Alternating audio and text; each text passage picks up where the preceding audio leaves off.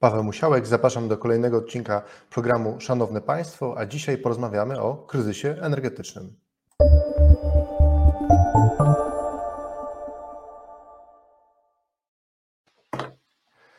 A moim Państwa gościem jest Monika Morawiecka, do niedawna prezes PGE Baltica, a dzisiaj regulator i Assistance Project. Witam Cię Moniko. Cześć, dzień dobry, witam Cię. Dodam, że Monika jest współtwórcą Rady Energetycznej, do której mam przyjemność i zaszczyt również należeć. Rada od kilku miesięcy działa prężnie i publikuje rekomendacje działań w obszarze polityki energetycznej. I dziś chciałem porozmawiać o ostatnich rekomendacjach Rady, mm, które dotyczą tego, jak przetrwać tą najbliższą zimę, e, co wydaje się być dość dużym wyzwaniem. Ale zanim Moniko porozmawiamy sobie o samych rekomendacjach, to ja bym chciał jeszcze wrócić do diagnozy tego, gdzie się dzisiaj e, znajdujemy, jeśli chodzi o energetykę, bo kryzys jest odmieniany przez wszystkie przypadki. Chciałbym, żebyśmy e, sobie chwilę o tym porozmawiali, jak, jak do niego doszło, ale chciałbym zacząć od takiego to pytania. Jakbyś miała dzisiaj pójść do Bookmachera i obstawić jakieś pieniądze na scenariusz, czy dzisiaj, czy zabraknie w zimie węgla, czy, by, czy go wystarczy, to na jaki scenariusz postawiłabyś te pieniądze i jak duże byłyby to pieniądze? No to jest świetne pytanie. Myślę, że wiele osób sobie je zadaje. I, i nie, nie, chciałabym być w skórze tych, którzy muszą na to pytanie naprawdę odpowiedzieć, bo ja akurat węgla nie używam, nie potrzebuję, ale z wszystkich analiz, które ja widziałam, wyłania się obraz no nie, nie do końca optymistyczny. To znaczy, ewidentnie tego węgla, który był używany w większości gospodarstwach domowych, czyli tego importowanego, tego lepszej jakości, mniej zasiarczonego, grubszych asortymentów tak zwanych, którego sprowadzaliśmy najwięcej z Rosji, a nie sprowadzamy już od kilku miesięcy ze względu na wprowadzone słusznie oczywiście embargo. E, no to z tym rodzajem paliwa może być problem. To, to nie jest po prostu takie łatwe przestawić się z dnia na dzień niemalże, czy z miesiąca na miesiąc na inny kierunek dostaw. E, w szczególności, że ten inny kierunek dostaw to musi być kierunek drogą morską, plus koleje trochę na innych trasach. To to wszystko zajmuje czas, żeby się rynek cały dostosował do tego i żeby e, też przepustowość tych e, połączeń logistycznych dostosować, to jest nie takie proste. No i, i z tych danych, które ja widziałam ostatnio, ARP niestety publikuje dane z dosyć dużym opóźnieniem. Wydaje mi się, że, że zbyt dużych, bo chyba mamy teraz dane za lipiec może, jeśli nie za czerwiec e, wyłącznie. Mm, z Agencji Rynku, e, z, mm, z, Agencji Rozwoju Przemysłu, oddział Katowice, która zbiera te dane z rynku węgla, to, to wydaje mi się, że, że, że nie, nie wygląda to optymistycznie. Natomiast... Dopytam, czy, czy mówiąc o tym, że to nie wygląda optymistycznie, ty masz na myśli e, to, że dzisiaj scenariuszem bazowym jest to, że tego węgla będzie brakować, zakładając średnią e, temperaturę zbliżoną do poprzednich lat, czy to jest tak, że raczej nam wystarczy, ale gdyby faktycznie było nieco mroźniej, to wtedy ewentualnie będzie, będzie problem. Pytam, bo to, bo określenie, że będzie problem jest takim wielo, tak naprawdę można go różnie interpretować i tak naprawdę w jakim, w jakich, no nie chcę powiedzieć procentach, bo to pewnie będzie bardzo trudne pytanie, ale, ale czy dzisiaj scenariuszem bazowym jest to, że biorąc pod uwagę obecne dane, które spływają, tego węgla będzie brakować? W jakim, w jakim wymiarze to jest dzisiaj scenariusz bazowy? Jest trudno odpowiedzieć na, na, to pytanie, bo nie wiemy wszystkiego. Na przykład nie wiemy, ile jest zapasów po prostu po stronie gospodarstw domowych z poprzedniej zimy na przykład, którą no, była łagodna, ale może większość osób myślała, że będzie ostra i w związku z tym zabezpieczyła się na zapas. W związku z tym część z tych zapasów jeszcze jest, tego, tego ja nie wiem. Więc ciężko na to odpowiedzieć. Po drugie, substytucja wystąpi na pewno częściowo. E, to widać zresztą po sprzedaży chociażby drewna opałowego, którego się sprzedaje w tym roku dużo więcej więc z pewnością tam, gdzie się da, e, ludzie myślą e, o, o, po prostu substytucji paliwa jednego drugim i to będzie, to będzie drewno połowę często. No miejmy nadzieję, że nie będą to śmieci ani inne odpady. Ja szczerze mówiąc, szczerze mówiąc, gdybym miała postawić pieniądze, to bym powiedziała, że dramatu e, takiego, że się nie ogrzeje, e, nie ogrzejemy jako społeczeństwo nie będzie, natomiast może być dramat z jakością powietrza i ja się tego szczerze mówiąc bardzo obawiam i bardzo się obawiam tego, że ten dramat z jakością powietrza nie zniknie szybko, tylko będziemy mieć taką, no, taki krok wstecz, jeśli chodzi o wszystkie polityki czystego powietrza. To jest mój. Moniko, w takim razie ja bym wrócił do wątku, który poruszyłaś, mianowicie embarga rosyjskiego, bo o ile w przypadku ropy naftowej e, czy w przypadku gazu e, polski rząd przyjął taką strategię namawiania pozostałe kraje unijne do jak, najmocniejszej, jak najmocniejszych sankcji, ale jednocześnie sam nie wychodził przed szereg i sam nie wprowadzał żadnych jednostronnych działań, które wyprzedzałyby inne kraje. Dlatego wciąż jest jeszcze, pomimo takiej ostrej krytyki, takiej mocnej polityki antyrosyjskiej na forum Unii, my tą ropę dalej ściągamy. I pytanie brzmi, czy ty nie uważasz, że polski rząd popełnił błąd, decydując się na embargo na rosyjski węgiel, wyprzedzając te terminy unijne, bo myśmy parę miesięcy wcześniej to embargo przyjęli no i być może to będzie te parę miesięcy, które będą dla polskich gospodarstw domowych kluczowe? Ciężko to ocenić. Znaczy ja, ja myślę, że na tamtą chwilę ciężko było podjąć inną decyzję, tak powiem. I, i, mhm. I, ja się tej decyzji nie dziwię, że została podjęta taka, e, jaka została podjęta. A co do tego, że w tych innych paliwach nie została podjęta, no to w gazie przecież po prostu Rosja nas uprzedziła w tej, w tej decyzji, bo, bo odcięła nam gaz, więc można powiedzieć, że to też była, antycypując pewnie zachowanie polskiego rządu e, w roku uprzedzające, że tak powiem, został zrobiony, ale mm, ja bym była bardzo ostrożna w powiedzeniu, że to był błąd, bo to zawsze błędy można różnie oceniać.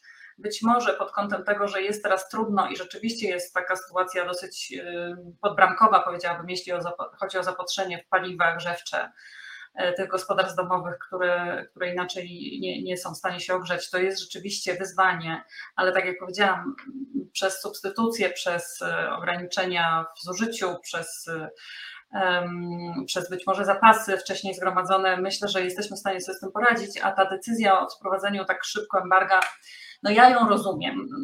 Można różnie oceniać, oczywiście, można powiedzieć, że, że trzeba było poczekać, że trzeba było być pragmatycznym. No, no, no my jako Polacy mamy taką trochę cechę, że, że, często szybciej robimy niż myślimy i bardziej sercem niż głową, więc myślę, że to tutaj zadziałało i no ja to rozumiem osobiście, ale, ale rozumiem też tych, którzy krytykują, bo to, to nie była łatwa decyzja na pewno. Ja myślę, że usprawiedliwiając rząd, y, to można powiedzieć, że cała klasa polityczna oczywiście domagała się wtedy takiej decyzji, więc nie była to jak najbardziej jednostronna decyzja, więc to jest jakby tytułem e, usprawiedliwienia. Natomiast e, Pytanie jest, Moniko, następujące. Jak to jest możliwe, że w kraju, który na węglu stoi e, i który, w którym wielu polityków e, no, chwaliło się przez wiele lat, że mamy bardzo duże zasoby tego węgla, e, my jesteśmy dzisiaj w takiej sytuacji, w której zależymy totalnie od importu i jak to się stało, że doprowadziliśmy do sytuacji, w której w momencie, w którym tego węgla bardzo potrzebujemy, tego węgla nie ma.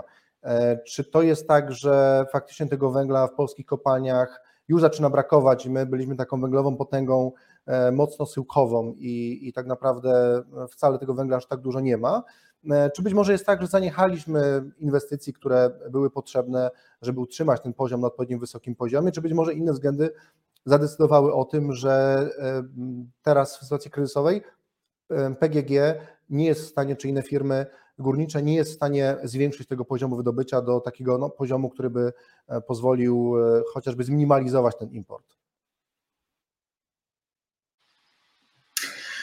Znaczy, tak, może najpierw uporządkujmy. Znaczy, to nie jest tak, że węgla generalnie tak brakuje w Polsce, jednak e, większość węgla zużywanego w Polsce, ogólnie mówiąc, cały bilans węgla patrząc, jest z polskich kopalń. Tam, gdzie go brakuje, to jest rzeczywiście ten węgiel kierowany do gospodarstw domowych.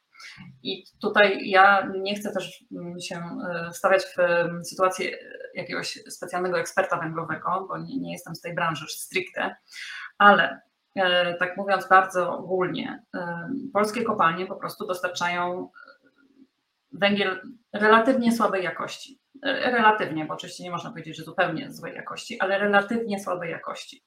I co się dzieje? Jeśli chodzi o elektrownie, elektrociepłownie, duże instalacje, one wszystkie są wyposażone w instalacje odsiarczania, odzatowania, odpylania, czyli są w stanie sobie poradzić z tym węglem trochę gorszej jakości, żeby jakby już spaliny wychodzące z tych kominów, mówiąc prosto, były e, nie, nietrujące dla, e, dla społeczeństwa. Jeśli chodzi o te piece węglowe w gospodarstwach domowych, w indywidualnych domach, no to one tych wszystkich instalacji nie posiadają. Co to oznacza? Oznacza to, że do tych instalacji węgiel musi być dużo lepszej jakości niż ten średni wybudowany w Polsce. No i to, co właśnie się zadziało przez ostatnie już wiele lat, to ekonomia zdecydowała, że taniej było sprowadzać taki węgiel lepszej jakości z zagranicy, w tym z Rosji w dużej mierze, niż go wydobywać, przesiewać, uzdatniać, cuda robić y, z polskich kopalń. Czyli było taka trochę rozdwojenie rynku. Rynek ten dla energetyki zawodowej, dla elektrowni, elektrociepłowni to był rynek krajowego węgla, natomiast rynek dla gospodarstw domowych to był w dużej y, mierze rynek z importu. Importu dodajmy y, rosyjskiego węgla. Nie wyłącznie, ale w większości tak, rosyjskiego mhm. węgla. No i tak to się zadziało i oczywiście można, y, znaczy ja na to się zrzymam bardzo, bo to oznacza nie mniej, nie więcej, że węgiel spalany w gospodarstwach domowych trzeba było wyeliminować regulacyjnie y, wiele lat temu już, bo nie ma tu żadnego uzasadnienia, żeby kontynuować tą praktykę opalania, y, ogrzewania domów węglem. To jesteśmy jedynym krajem w Europie, który na taką skalę stosuje węgiel do ogrzewania domów. To jest absolutnie nasze nie boję, nie boję się tego powiedzieć, cywilizacyjne zacofanie Polski w tym momencie, mhm. gdyż po pierwsze jest to węgiel właśnie z importu, po drugie w tej chwili nie jest tani, a wręcz przeciwnie, jest bardzo drogi. Po trzecie i najważniejsze, e, truje nas i nasze dzieci i e, jakość powietrza w Polsce. Wszyscy znamy te obrazki. Najbardziej zanieczyszczone miasta w Europie to są miasta polskie. I to są trzy elementy, które ja osobiście uważam, jest bardzo źle się stało, że te wszystkie programy takie pomocowe, które pomagały przestawić się na inne źródła ciepła i, mm, i, i, wyczyścić, że tak powiem, to ogrzewnictwo nasze, jak się to ładnie mówi, e, nie zaczęły się wiele lat wcześniej i nie poradziliśmy sobie z tym problemem do dziś. I też uważam, że należałoby bardzo mocno zwiększyć ambicje, jeśli chodzi o poradzenie sobie z tym problemem. Te w polityce energetycznej chyba padają daty 30 rok czy 40 rok e, na wyeliminowanie całkowite węgla z gospodarstw domowych. Ja myślę, że naprawdę to, to trzeba przyspieszyć. To jest absolutnie wyzwanie cywilizacyjne. E, myślę, że porównywalne, a, a, a, relatywnie proste do wdrożenia. Relatywnie trzeba oczywiście dużo pieniędzy, ale tych pieniędzy jest dużo umówmy się, pieniędzy na takie rzeczy jest bardzo dużo z funduszy unijnych, wszelkiego typu. E, pieniędzy dotacyjnych na pomoc gospodarstwom domowym, które by nie miały e, środków własnych na tego typu inwestycje, jest naprawdę dużo.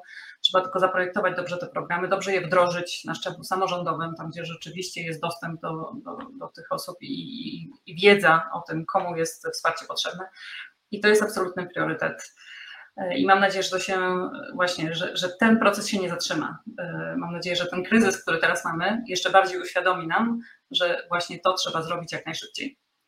A Monika, masz takie wrażenie, zostawiając kwestię smogu, no bo myślę, że warto temu tematowi w ogóle poświęcić osobny program jeszcze, ale wydaje mi się, że mm, jest tutaj taki dylemat, który nas czeka w najbliższych latach, związany z górnictwem, dlatego że no jest rzeczą oczywistą, że my z tego węgla musimy wychodzić. Pytanie w jakim tempie.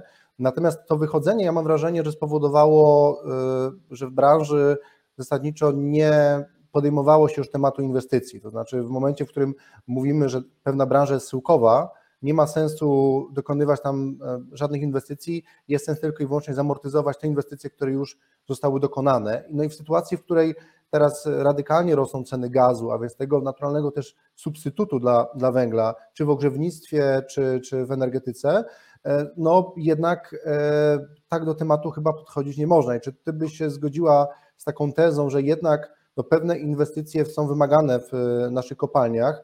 Mm, ich nie było z tego powodu, o którym wspominałem, czyli, czyli właśnie tej polityki unijnej, która mówiła jasno, no, inwestujcie w zupełnie inne źródła energii, ale także oczywiście mm, nie będę mm, tutaj bronił samych firm górniczych, które po prostu stosowały błędną metodę przerzucania E, zysków, e, znaczy przerzucania pieniędzy z tych kopalni, które dawały zysk do kopalni, które były nierentowne i w ten sposób same drenowały się po prostu z, ze środków na inwestycje, więc tych inwestycji też brakowało pewnie z takich powodów e, zarządczych i chęci subsydiowania, utrzymywania miejsc pracy sztucznie i, i brakowało wtedy na, na inwestycje w nowe, w nowe ściany. Czy Twoim zdaniem takie nowe inwestycje są potrzebne? No i jak te inwestycje dokonać, aby jednocześnie spełnić tutaj te kryteria unijne, żeby jednak, żeby jednak z tego węgla w odpowiednim tempie wychodzić? Znaczy ja tutaj akurat mam bardzo mocną opinię, że absolutnie żadne inwestycje na nowe wydobycie nie powinny być dokonywane w kopalniach polskich i te pieniądze, które miałyby być ewentualnie tam przeznaczone, trzeba przeznaczyć na rozwój odnawialnych źródeł energii i przede wszystkim e, efektywności energetycznej, tak żeby tego węgla było po prostu mniej potrzeba. I ta efektywność energetyczna jest tutaj, jest tutaj kluczem do wszystkiego, ale także właśnie odnawialne źródła energii, które po pierwsze dużo szybciej wejdą do użytku niż jakiekolwiek nowe szyby w kopalniach, bo te inwestycje kopalniane, umówmy się, to też są wieloletnie procesy inwestycyjne. I y, jednocześnie, jak tylko wejdą do użytku, y, to obniżą zapotrzebowanie na węgiel. Więc my mówimy, że trzeba inwestować, żeby zbilansować zapotrzebowanie z podażą węgla. Więc ja mówię tak, trzeba zainwestować, tylko zainwestujmy nie w ten węgiel, tylko w tą stronę popytową, żeby tego popytu było mniej. Po prostu. Mhm. Czyli nie podażą węgla sterujmy, tylko popytem na ten węgiel. Tego popytu ma być coraz mniej. I to mhm. będzie budowało taką odporność y, długoterminową właśnie na, y, na szoki, szoki paliwowe. Więc ja tutaj mhm. absolutnie nie, nie zgodziłabym się, że, że należy inwestować w kopalnie. Ja zresztą mam taki, muszę przyznać, że ja miałam taki moment eureka, trochę też y, dla siebie, już dobrych parę lat temu, pewnie z 6 czy 7, E, kiedy udało mi się e, być w kopalni e, pod ziemią, na tysiąc metrów pod ziemią. To nie każdy miał taką okazję. Ja zresztą zachęcałabym wszystkich polityków, którzy się zajmują energetyką i są pro węglowi, żeby to tak nazwać, żeby sobie pojechali i zwiedzili taką kopalnię właśnie tam na ziemi, na, pod ziemią, tam gdzie ludzie pracują, faktycznie wydobywają ten węgiel. Jakie tam są warunki pracy, to powiem tak, to cywilizowany kraj, jakim jesteśmy, nie powinien wysyłać ludzi 1000 metrów pod ziemię, gdzie jest 40 stopni, stopni ciepła, 70% wilgotności. Absolutnie dramatyczne warunki pracy. Więc ja od tego czasu, jak tam byłam, to po pierwsze uważam, że na pewno górnicy nie, nie zarabiają za dużo. Ci dołowi na pewno nie. To jest naprawdę bardzo ciężka praca. To, to jest punkt pierwszy, ale punkt drugi, no powinniśmy im znaleźć inną pracę. I to mhm. tak mówiąc już systemowo, oczywiście bardzo idealistycznie, to zajmie jeszcze wiele lat, ale naprawdę tu nie ma, nie ma czego żałować. Ja myślę, Moniko, że temat też tak mm, szeroko ujęty transformacji energetycznej też jeszcze pewnie będzie przedmiotem rozmowy, więc wróćmy jednak do najbliższej zimy. E, wróćmy do Bukmachera, bo porozmawialiśmy sobie o węglu, ale mm, ja jeszcze bym chciał dopytać o gaz, o którym wspominałaś. E, czy Twoim zdaniem y, jest realna szansa, że zabraknie nam gazu e, w najbliższą zimę? No i znowu, tu pewnie mam za mało danych, e, żeby się wypowiedzieć w sposób zupełnie autorytatywny, bo e, po pierwsze, no wiem, że Baltic Pipe ma być chyba na dniach praktycznie oddany do użytku, czy na tygodniach.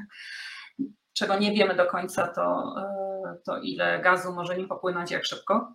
Tutaj zresztą taka uwaga chyba dosyć ogólna i też znajdująca się w rekomendacjach naszej Rady, że, że jest za mało transparentnej informacji na rynku energii. To jest taka, myślę, że bolączka duża, e, duża naszego, naszej debaty publicznej, że po prostu za dużo jest e, takich niesprawdzonych, niezweryfikowanych plotek, informacji fragmentarycznych, a za mało solidnej naprawdę analityki, solidnych danych na temat i transparentnie podanych w sposób łatwy do, do przeanalizowania, więc tutaj to taka uwaga na marginesie. Natomiast e, to, czy nam zabraknie gazu, to pewnie też jest e, oczywiście pytanie do całej Europy, bo akurat jeśli chodzi o gaz, to jesteśmy w stanie, nawet jeśli byśmy u nas, jeśli by u nas go miało brakować, no to są regulacje unijne, które E, de facto wymuszają trochę na naszych sąsiadach solidarność energetyczną, tak się ładnie nazywa.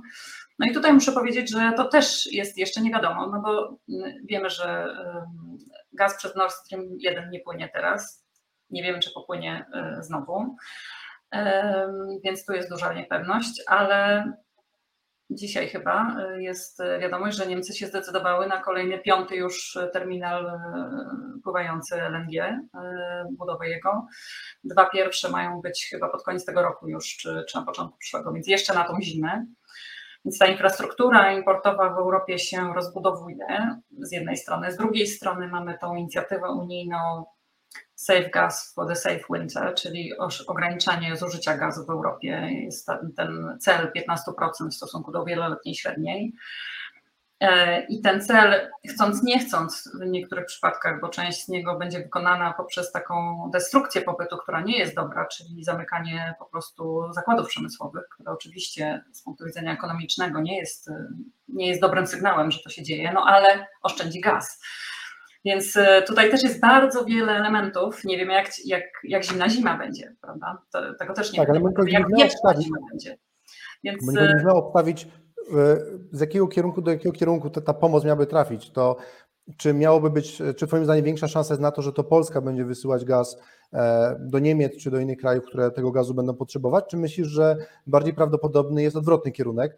Ja przyznam się szczerze, że e, to pytanie zadaję dlatego, że jeszcze niedawno mieliśmy taką dyskusję w Polsce, E, która nastąpiła po decyzji mm, Komisji Europejskiej właśnie w sprawie programu, który wspominałaś. E, no i tutaj pamiętam, że polscy politycy e, narzekali na przede wszystkim polityków niemieckich, którzy domagali się solidarności energetycznej, no i wypominali im oczywiście kwestię budowy gazociągu Nord Stream 1, Nord Stream 2, gdy tymczasem no mi się wydaje, że w sytuacji, w której nawet jeżeli Baltic Pipe zostałby wybudowany, no to nie wiemy, ile realnie, technicznie tego gazu może być tym gazociągiem tłoczony, bo wiemy, że te pierwsze miesiące zawsze są takie rozruchowe, tak to nazwijmy, a poza tym też nie wiemy, w jakim stopniu te kontrakty e, pokrywają całość tej rury. I tutaj e, sprzed paru tygodni ta informacja, która dobiegała do opinii publicznej, ona nie była optymistyczna. Związku z tym ja się zastanawiam, czy my mamy podstawy do, e, do takich tez, że to mm, teraz Polska będzie chronić innych. Być może będzie tak, że to my będziemy domagać się tego wsparcia. Ja się zastanawiam, który scenariusz Twoim zdaniem jest bardziej dzisiaj prawdopodobny. Znaczy, my chyba w tej chwili już mamy to wsparcie, bo gaz chyba płynie rewersem na Jamale z Niemiec właśnie do Polski. No tak, ale płynie na zasadzie jakby kontraktu, e, kontraktu biznesowego, natomiast nie jest uruchomiony jeszcze, mm, e, nie jest uruchomiona cała procedura pomocowa, która jest przewidziana na sytuację kryzysową. Ja bym też chciała zapytać, bo tego też nie wiem, e, czy my mamy umowę dwustronną podpisaną z jakimkolwiek z naszych sąsiadów na temat właśnie tych procedur pomocowych, e, bo tego wymaga regulacja unijna, żeby podpisywać dwustronne umowy, w których szczegóły takiej pomocy są uzgadniane.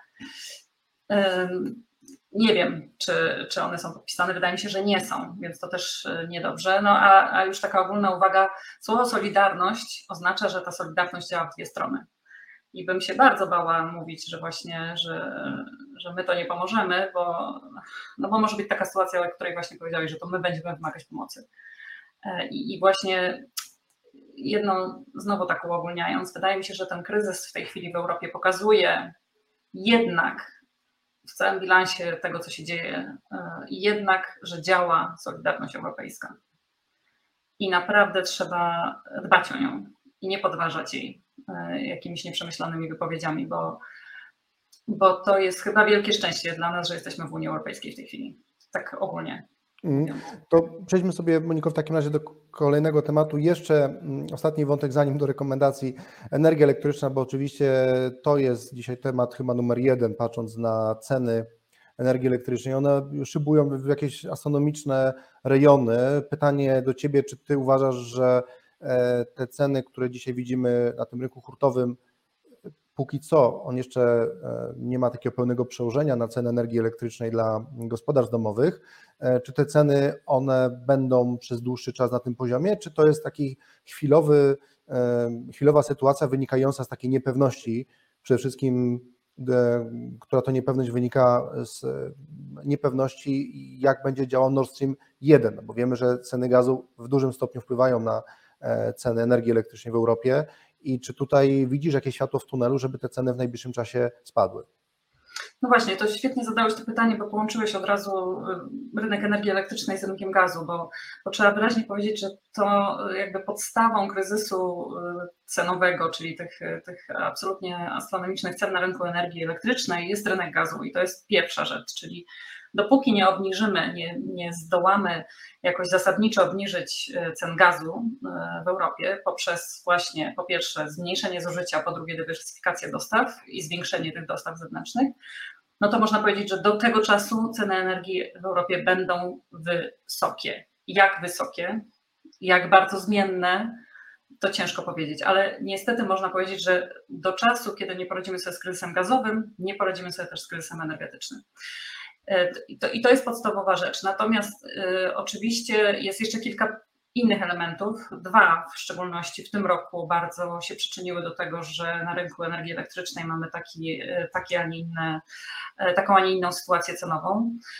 To jest przede wszystkim e, sytuacja z e, elektrowniami atomowymi we Francji. Tej chwili z wielu bardzo powodów, e, też z powodów covidowych. W trakcie covidu duża część planowanych remontów, czy przeglądów, czy E, innych działań optymalizacyjnych na, w tych instalacjach była przesunięta i teraz wszystkie się skumulowały. Po drugie, są, wyszły na jaw pewne problemy techniczne, korozja i tak dalej w tych instalacjach, które już ileś tam lat mają. Efekt jest taki, że połowa floty, floty francuskiej jądrowej nie pracuje. To jest absolutnie ogromny ubytek. To jest większy ubytek E, energii w Europie niż wzrost wynikający ze wzrostu zużycia węgla czy gazu. E, to jest, to jest, to jest dramat.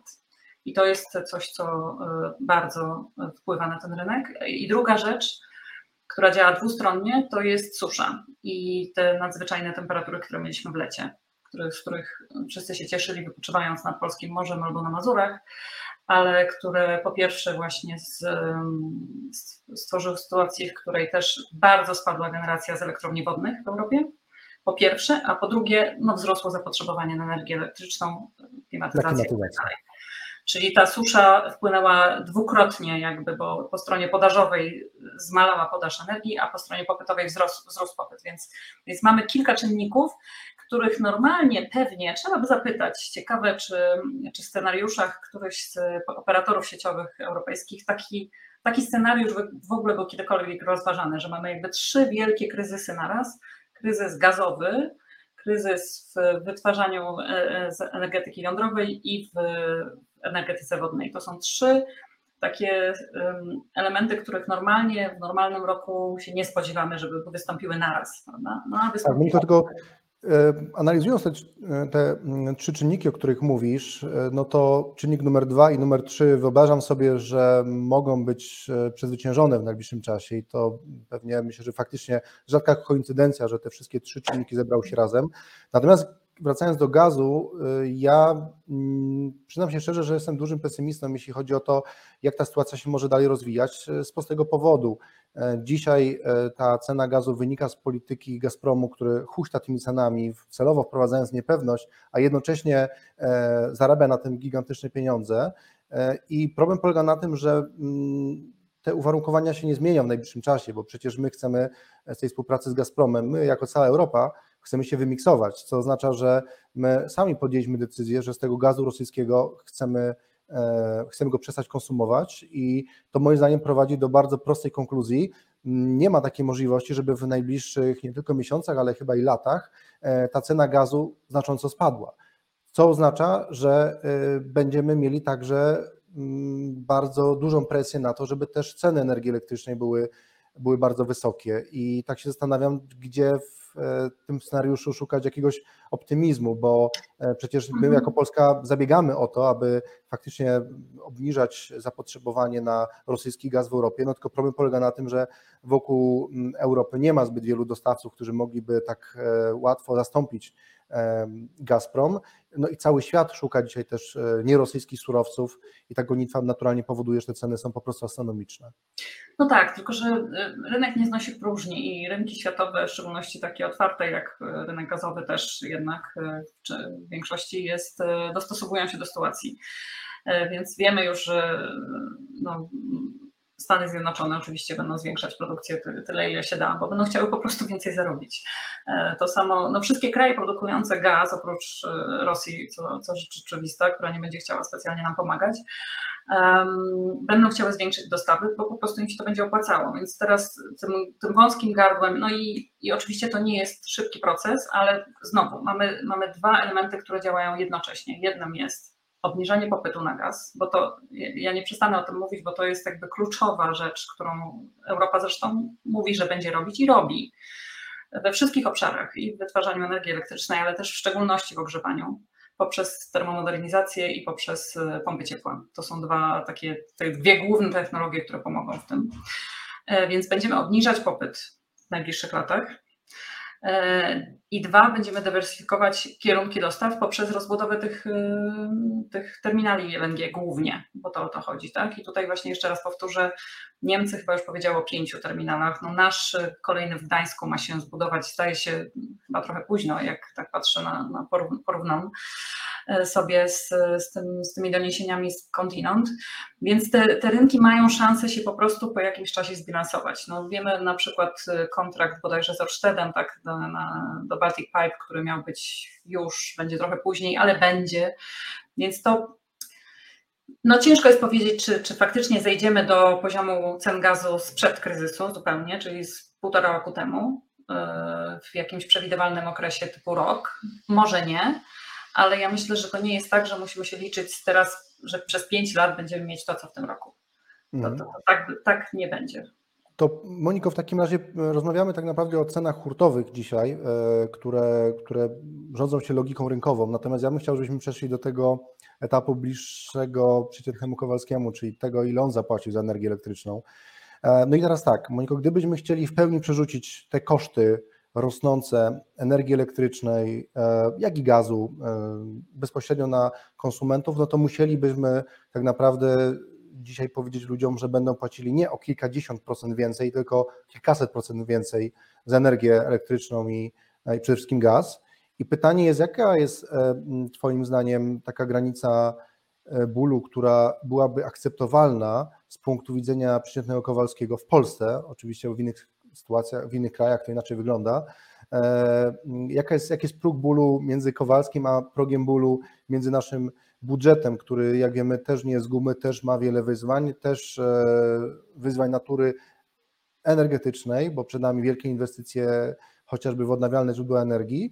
I ja się zastanawiam po prostu, gdzie tutaj ustawić taki dobry balans między tym, żeby nie zmniejszać bodźców do inwestycji, także w gospodarstwach domowych, e, w termomodernizację, w oszczędność energii, ale z drugiej strony no, też nie można pozwolić na to, żeby w pełni uwolnić rynkowo te ceny, no bo to by po prostu radykalnie zwiększyło ubóstwo energetyczne w Polsce i no, wywołałoby na pewno polityczne turbulencje. Więc y, pytanie, czy, czy, czy, czy taki próg y, optymalny znalazłaś? Y, co wynika z rekomendacji Rady w tym temacie i jak oceniasz politykę rządu w tym zakresie?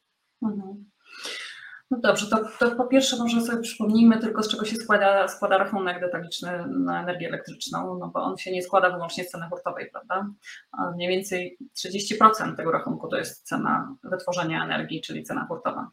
Kolejne 30% to, jest, to są opłaty sieciowe i wszelkiego rodzaju podatki. W tej chwili to jest trochę więcej, może bo podatki też się zmniejszyły, VAT został obniżony na energię elektryczną, 23% jest 5% ale, ale to jest pierwsza uwaga, czyli że nie jest tak, że jeden do jednego wzrost cen na, energii, na rynku hurtowym przekłada się na rynek detaliczny. To jest punkt pierwszy. Punkt drugi, to też nie jest tak, że te ceny chwilowe, którymi tak często epatujemy na, na, różnych forach, że właśnie wyskakują bardzo wysoko, że te ceny chwilowe to są ceny, które jakby działają cały rok. To jest tak zwany rynek spotowy, czyli dostaw y, na rynku dnia następnego, natomiast jednak większa część energii elektrycznej jest sprzedawana z wyprzedzeniem większym, kilkumiesięcznym, nawet y, kilkuletnim. W Polsce to jest z reguły rok czy maksymalnie dwa lata. Niestety e, Polska ma ten, ten rynek polski jest taki jakby jednak za, za, za, krótkie ma te terminy hedżowania e, swojej produkcji i, i, zapotrzebowania. W Europie to jest nawet i do pięciu lat. Mm, ale, ale to chcę powiedzieć, że tak naprawdę ceny, które widzimy dzisiaj, to niekoniecznie już dzisiaj przełożą się na rachunki, prawda? Bo one są cenami, które to, to, co będziemy płacić w przyszłym roku za energię elektryczną, to jest energia, którą sprzedaliśmy na początku tego roku albo jeszcze w poprzednim. Więc to jest druga rzecz, czyli ten, to przełożenie na rynek detaliczny przebiega w taki bardziej wyrównany sposób po prostu niż to, co widzimy na, na rynku hurtowym. I teraz jaki ten sygnał cenowy, i bardzo się cieszę, że o tym mówisz, że, że przede wszystkim no chcemy poradzić sobie z kryzysem, czyli chcemy te ceny obniżyć. No jak sobie poradzić z tym kryzysem? No też tak, żeby jakby zbilansować ten podaż, tą podaż i ten popyt, co oznacza, że możemy albo podnosić podaż albo zmniejszać popyt. No i to zmniejszanie popytu jest w tym momencie kluczowe. I to e, właściwie każda, ka, każde zmniejszenie e, jest e, na wagę złota w tej chwili. Ja sama się trochę dziwiłam. Ostatnio przeczytałam, Niemcy wydały dwa rozporządzenia dotyczące ograniczania zużycia energii elektrycznej i policzyły, że dzięki tym dwóm rozporządzeniom, które tam wprowadzają reguły dla administracji publicznej, dla budynków dla, dla biur, nie można używać basenów i tak dalej, i tak dalej. Wiele takich drobnych, wydawało nam, wydawałoby się, drobnych działań. I one mają się wszystkie złożyć na 2% zużycia. I to się wydaje być bardzo mało. No co to jest 2% zużycia? No tak, ale jeśli te 2% to jest właśnie te, które brakuje, często w niektórych godzinach i te, które przez te, przez te brakujące ostatnie kilka procent właśnie te ceny idą bardzo do góry, no to to jest to, co powinniśmy robić, więc, więc przede wszystkim ograniczać popyt. Dwa, e, Mamy taki ładny instrument, e, szybki do zastosowania, który się notabene dzieje sam, ale mógłby się zadziać szybciej, czyli fotowoltaika. Każda megawattogodzina wyprodukowana z naprawdę taniej obecnie fotowoltaiki to jest znowu ułatwienie dla rynku energii elektrycznej, to znaczy przesunięcie tej krzywej podaży w prawo i w związku z tym e, tańszy prąd dla wszystkich. Więc tutaj mamy taką sytuację. Jeśli chodzi o to, gdzie jest prąd bólu, no to bardzo ciężko jest to określić. Oczywiście Polska należy do tych krajów, w których e, ubóstwo energetyczne dotyka większej części osób niż w krajach Europy Zachodniej. Natomiast jeszcze raz e, warto pamiętać, że e, to jest głównie ubóstwo w ogrzewaniu. To znaczy, my z reguły mamy problem z zapłaceniem rachunków za ogrzewanie, a nie z rachunkami za prąd, bo prądu się relatywnie mniej zużywa w gospodarstwach domowych, więc to też jest kolejna uwaga.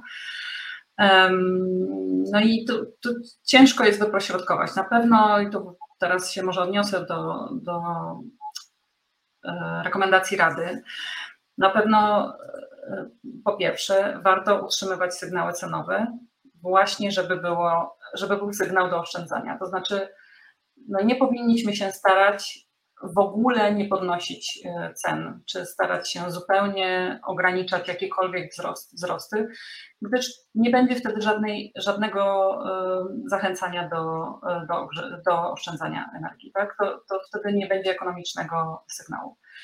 Więc to jest punkt pierwszy. Punkt drugi, no z całą pewnością należy chronić tych odbiorców najbardziej wrażliwych. Ta grupa będzie coraz większa, niestety, rzeczywiście, ale nadal no nie wszyscy będą potrzebować takiego samego wsparcia. To jest, to jest punkt trzeci. E, punkt drugi. Po, um, kolejny punkt e, to. Monika, jest... czy ja dobrze interpretuję ten punkt, że tak naprawdę chodzi Ci o to, że czas, który my dajemy wszystkim porówno się skończył i tak naprawdę dzisiaj te różne formy wsparcia, one powinny mieć charakter dużo bardziej dedykowany tym najbardziej potrzebującym i tak powinniśmy myśleć o e, formie pomocy no nazwijmy to wprost socjalnej e, dla tych osób najuboższych? E, czy to jest to, co chciałeś powiedzieć? To jest tak, że można sobie wyobrazić sytuację, jeżeli rzeczywiście przełożenie na, na rachunki byłoby jakieś astronomiczne, na ceny detaliczne, miałoby być astronomiczne, no to można sobie wyobrazić wsparcie w jakiejś tam, w jakiejś wysokości dla wszystkich relatywnie małe, prawda? I później dużo większe dla tej grupy, która jest faktycznie zagrożona tym ubóstwem, tak? Więc, więc tu po prostu jest potrzebna jakaś gradacja, bo inaczej po prostu albo nas nie będzie stać na to, żeby wesprzeć tych naj, najbardziej potrzebujących, prawda? No albo będziemy, e, no albo oni po prostu zostaną zupełnie bez wsparcia. I to jest, no i to jest taka naj, najgorsza sytuacja, prawda? No bo jeśli, jeśli wyłącznie tylko wszystkim porówno, no to, to ci, którzy będą potrzebować najbardziej, dostaną po prostu za mało w stosunku do swoich potrzeb, potencjalnie. Albo wydrenujemy pieniądze z naszego budżetu, który no właśnie, to jest ta powoli druga, zaczyna brakować. Tak, no, no budżet nie jest z gumy, nie jest w złej sytuacji oczywiście i to, to dobrze, ale, no ale, ale sytuacja jest ciężka i naprawdę te pieniądze budżetowe może też warto by skierować właśnie w, tą systemową pomoc, czyli w tą pomoc w termomodernizacji, żeby właśnie mimo wysokiej ceny jednostkowej rachunek wcale nie był duży, prawda? bo to, to na tym rzecz polega.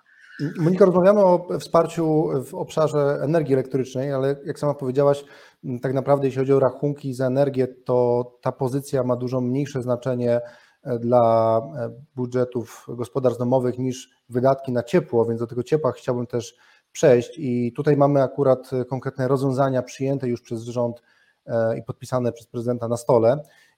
No i z perspektywy rekomendacji Rady, jak byś Moniko się do tych propozycji rządowych ustosunkowała, to znaczy czy ta forma wsparcia, która e, została przyjęta, zarówno jeśli chodzi o wysokość, jak i taki podział, który został zastosowany, czyli podział na poszczególne paliwa, e, który uzależnia wysokość pomocy od właśnie rodzaju e, źródeł paliwa, z których korzystają gospodarstwa domowe. Czy Twoim zdaniem takie rozwiązanie jest sensowne i czy, czy tutaj Rada ma jakieś być może lepsze pomysły, jak, jak wspierać gospodarstwa, szczególnie w tej zimie w obszarze ogrzewania? Znaczy Rada zwraca przede wszystkim na uwagę na to, o czym już powiedzieliśmy, bo to dotyczy wszystkich paliw i energii elektrycznej, i gazu, i, i, i ciepła, czyli tego, żeby stworzyć narzędzia, które systemowo będą rozwiązywać problem ubóstwa energetycznego. E, czyli rzeczywiście zająć się tymi, którzy nieważne czym e, e, palą w piecu, mówiąc już wprost, ale po prostu nie mają pieniędzy na, na zapłacenie tego rachunku. Więc to jest to, to kryterium dochodowe bardziej niż kryterium paliwowe, niż, niż jakieś różnicowanie.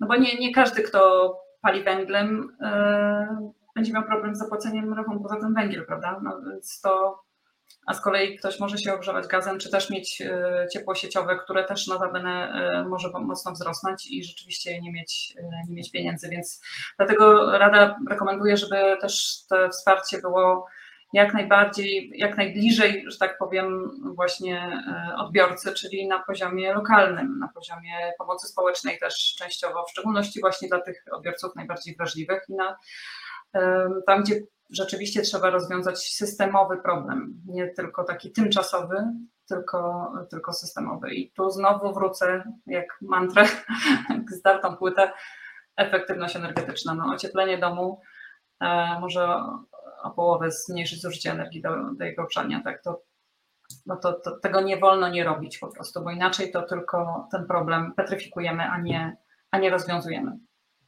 Dobrze, to w takim razie, Moniko, ja bym chciał na koniec zapytać Cię o y, taką perspektywę unijną, bo e, kryzys wydarzył się w sytuacji, w której toczyły się zaawansowane rozmowy w poszczególnych unijnych instytucjach na temat Europejskiego Zielonego Ładu. I czy Twoim zdaniem e, to, co dzisiaj obserwujemy na rynku energetycznym, jest e, Twoim zdaniem szansą dla tego, aby ten projekt się powiódł? To znaczy, wystąpiły czynniki, które będą motywowały do przyspieszenia realizacji celów, e, które zostały zawarte przez Komisję Europejską w tym, w tym dużym programie e, New Green Deal, czy może jest tak, że jednak wystąpiły też takie okoliczności, które będą jednak utrudniały realizację tych, tych wyzwań. Ja przyznam się szczerze, że mam taki ambiwalentny stosunek, bo z jednej strony oczywiście można powiedzieć, że ta derusyfikacja która się odbywa dzisiaj w energetyce europejskiej, będzie oczywiście przyspieszać te cele,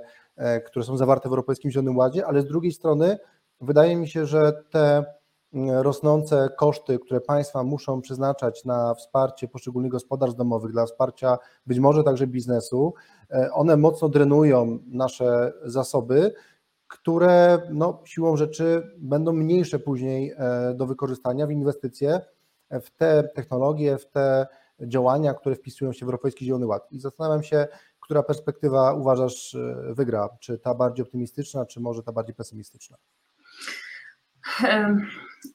Ja bym powiedziała, że zdecydowanie e, cała Europa e, wie, że musi przyspieszyć transformację w kierunku odnawialnych źródeł energii, bo tylko odnawialne źródła energii, które nie zużywają paliw żadnych, dają odporność e, na właśnie takie sytuacje, jakie, z jaką mamy do czynienia teraz. Czyli przyspieszenie, zresztą to widać było w komunikacie Repower EU z maja tego roku, mm, który dawał też e, konkretne wskazówki, jak tego przyspieszenia należy dokonać, ale moim zdaniem absolutnie będą wszystkie ręce na pokład, jeśli chodzi o wzrost produkcji energii elektrycznej i każdej innej ze źródeł odnawialnych. Więc to po pierwsze nie boję się tego, o czym ty mówisz, że zabraknie pieniędzy, bo trzeba wspierać, bo to są inne pieniądze. Mhm. Wspieranie gospodarstw domowych i to, co przed chwilą rozmawialiśmy o czym, to jest albo z budżetów, albo właśnie z e, jakichś pomocowych środków, e, albo po prostu ze zebrania, o tym nie powiedzieliśmy sobie, pomysły są takie, żeby opodatkować na przykład nadzwyczajne zyski, które są teraz w sektorze energii elektrycznej generowane na przykład przez właśnie elektrownie wodne, czy przez elektrownie jądrowe, czy przez niektóre elektrownie e, cieplne też. Mm, więc jest, jest potężna ilość pieniądza, które można też zawrócić różnymi sposobami, o tym może nie będziemy bardzo szczegółowo mówić, ale można zawrócić na pomoc dla odbiorców domowych, więc to jest, to jest ta część e, jakby e, zasobów, które można przeznaczyć, czyli budżetowa lub też z rynku energii. Natomiast e, inwestycje w nową energetykę, nazwijmy ją tak, no to one są zupełnie z innych środków, ze środków prywatnych finansowane, z różnego typu funduszy inwestycyjnych, które przecież nie będą dopłacać do do gospodarstw domowych. To są absolutnie inne y, koszyki pieniędzy i absolutnie nie zabraknie tych pieniędzy. Znaczy, my nie mieliśmy w ogóle przez ostatnie parę lat, nie było problemu z tym, że było za mało inwestorów chętnych do inwestowania. Nie było problemu już z tym, że te źródła były za drogie, bo one nie były za drogie. Jeśli płacimy 200 zł za megawattogodzinę za, za energię wiatrową, to to jest tanio jak barszcz, mówiąc bardzo potocznie, teraz jeszcze patrząc na to, co się dzieje y, na rynku energii. Ostatnio rząd brytyjski rozstrzygnął aukcję bodajże 7 gigawatów nowych mocy w energetyce wiatrowej na morzu poniżej 40 funtów za megawattogodzinę. To są kwoty absolutnie, no, nie ma się nad czym zastanawiać, więc nie ja, było... Monika, powiedz mi, ale nie boisz, się, nie boisz się e, tego, że ten gaz, który ma być tym paliwem przejściowym, e, który jak wiemy dobrze współpracuje z odnawialnymi źródłami energii, szczególnie tymi właśnie niesterowalnymi i który miał e, bilansować system energetyczny, no bo wiemy, że przecież w sytuacji, w której warunki atmosferyczne nie pozwalają na produkcję energii, no skądś tą energię trzeba czerpać. I w sytuacji, w której mamy tak duży kryzys gazowy i jak powiedzieliśmy sobie, nie ma dzisiaj łatwego scenariusza, aby z tego kryzysu łatwo wyjść, bo po prostu e, opuszczamy e, tutaj Rosję i nie chcemy z nią współpracować, a wiemy, że to był największy dostawca, czy w tej sytuacji, w której ten gaz będzie potwornie drogi przez przynajmniej w średnim horyzoncie, czy, czy ta transformacja nie zostanie opóźniona z tego powodu? Bo oczywiście e, to, że, e, że odnawialne źródła energii tanieją i są tanie wtedy, kiedy produkują energię, to, to już wiadomo od dość dawna. Natomiast e, w samych dokumentach Komisji Europejskiej wyraźnie była zaznaczona ta rola gazu jako tego paliwa przejściowego. No nie dlatego, że my ten gaz lubimy, bo wiemy, że on jest emisyjny, no ale dlatego, że nie było po prostu e, lepszej alternatywy. I czy tego się nie boisz, że, że przez to, że ten gaz jest drogi, a węgiel nie jest dobrą alternatywą, jak też powiedziałaś, no będzie nam brakowało tutaj e, jakiegoś klocka w, tym, w tych wszystkich puzzlach.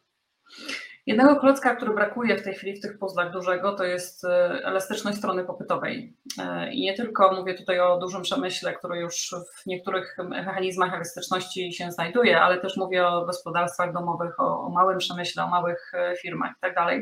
To jest taki klocek, któremu, któremu jeszcze za mało poświęcano uwagi, jeśli chodzi o rynki energii elektrycznej, bo to jest naprawdę duży potencjał, w zarządzaniu właśnie tym elementem, o którym powiedziałeś słusznie, że, że no czasami nie wieje i czasami nie świeci i wtedy, i wtedy trzeba skądś tą energię wziąć, albo przesunąć zużycie na inną godzinę, kiedy znowu wieje.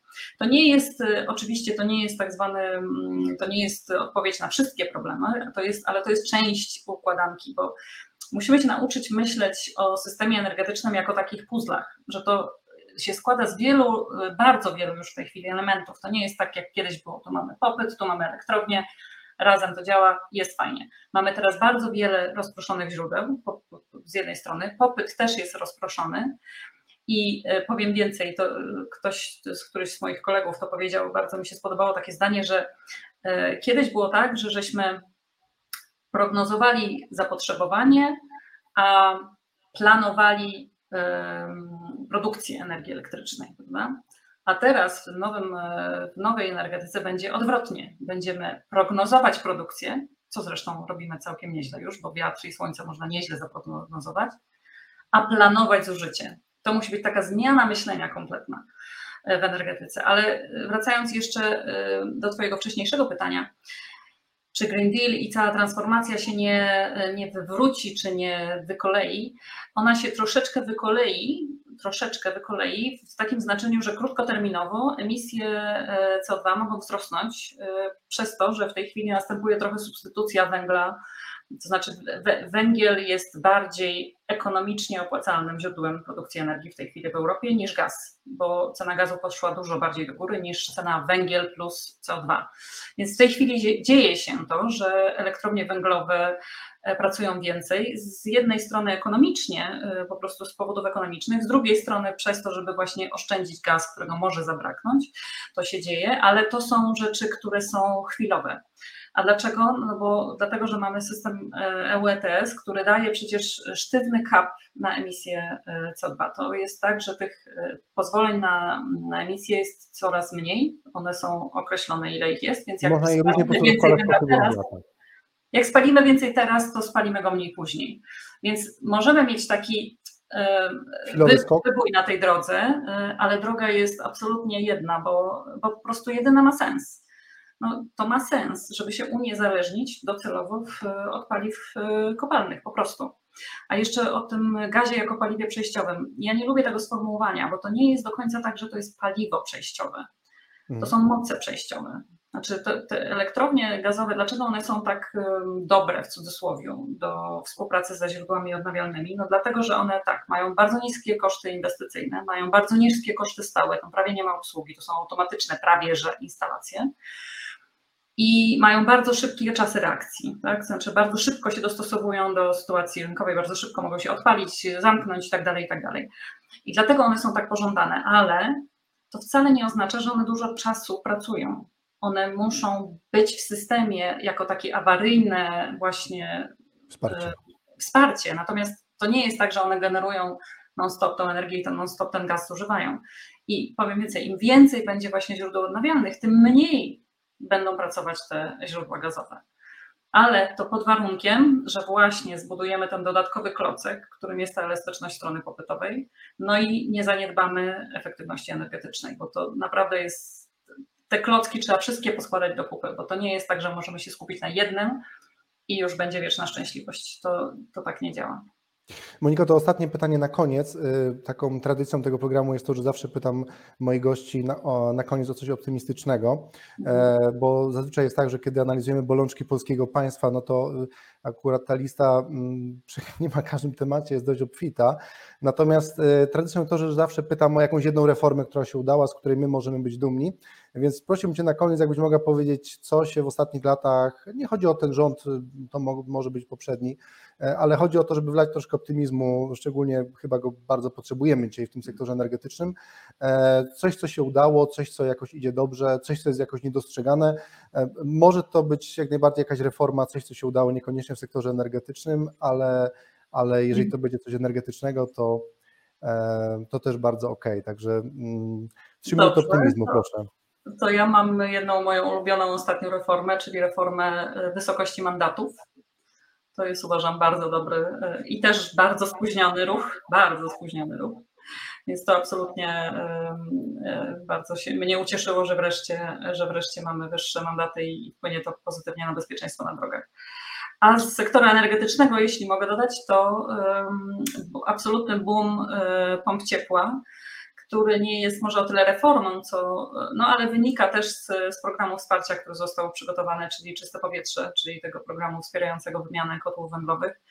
W tej chwili, w zeszłym roku, jeśli się nie mylę, rynek pomp ciepła w Polsce urósł 80 kilka procent i to był najwyższy wynik w Europie a w tym roku idziemy chyba na rekord 100% znowu wzrostu, więc mamy absolutnie wykładniczą krzywą tutaj wzrostu e, sprzedaży pomp ciepła i to jest optymistyczne, bo to też pomoże nam sobie poradzić z kryzysem energetycznym. Super Monika, to bardzo Ci dziękuję i myślę, że gościsz pierwszy raz, ale nie ostatni, bo pewne tematy energetyczne e, będą nas absorbować.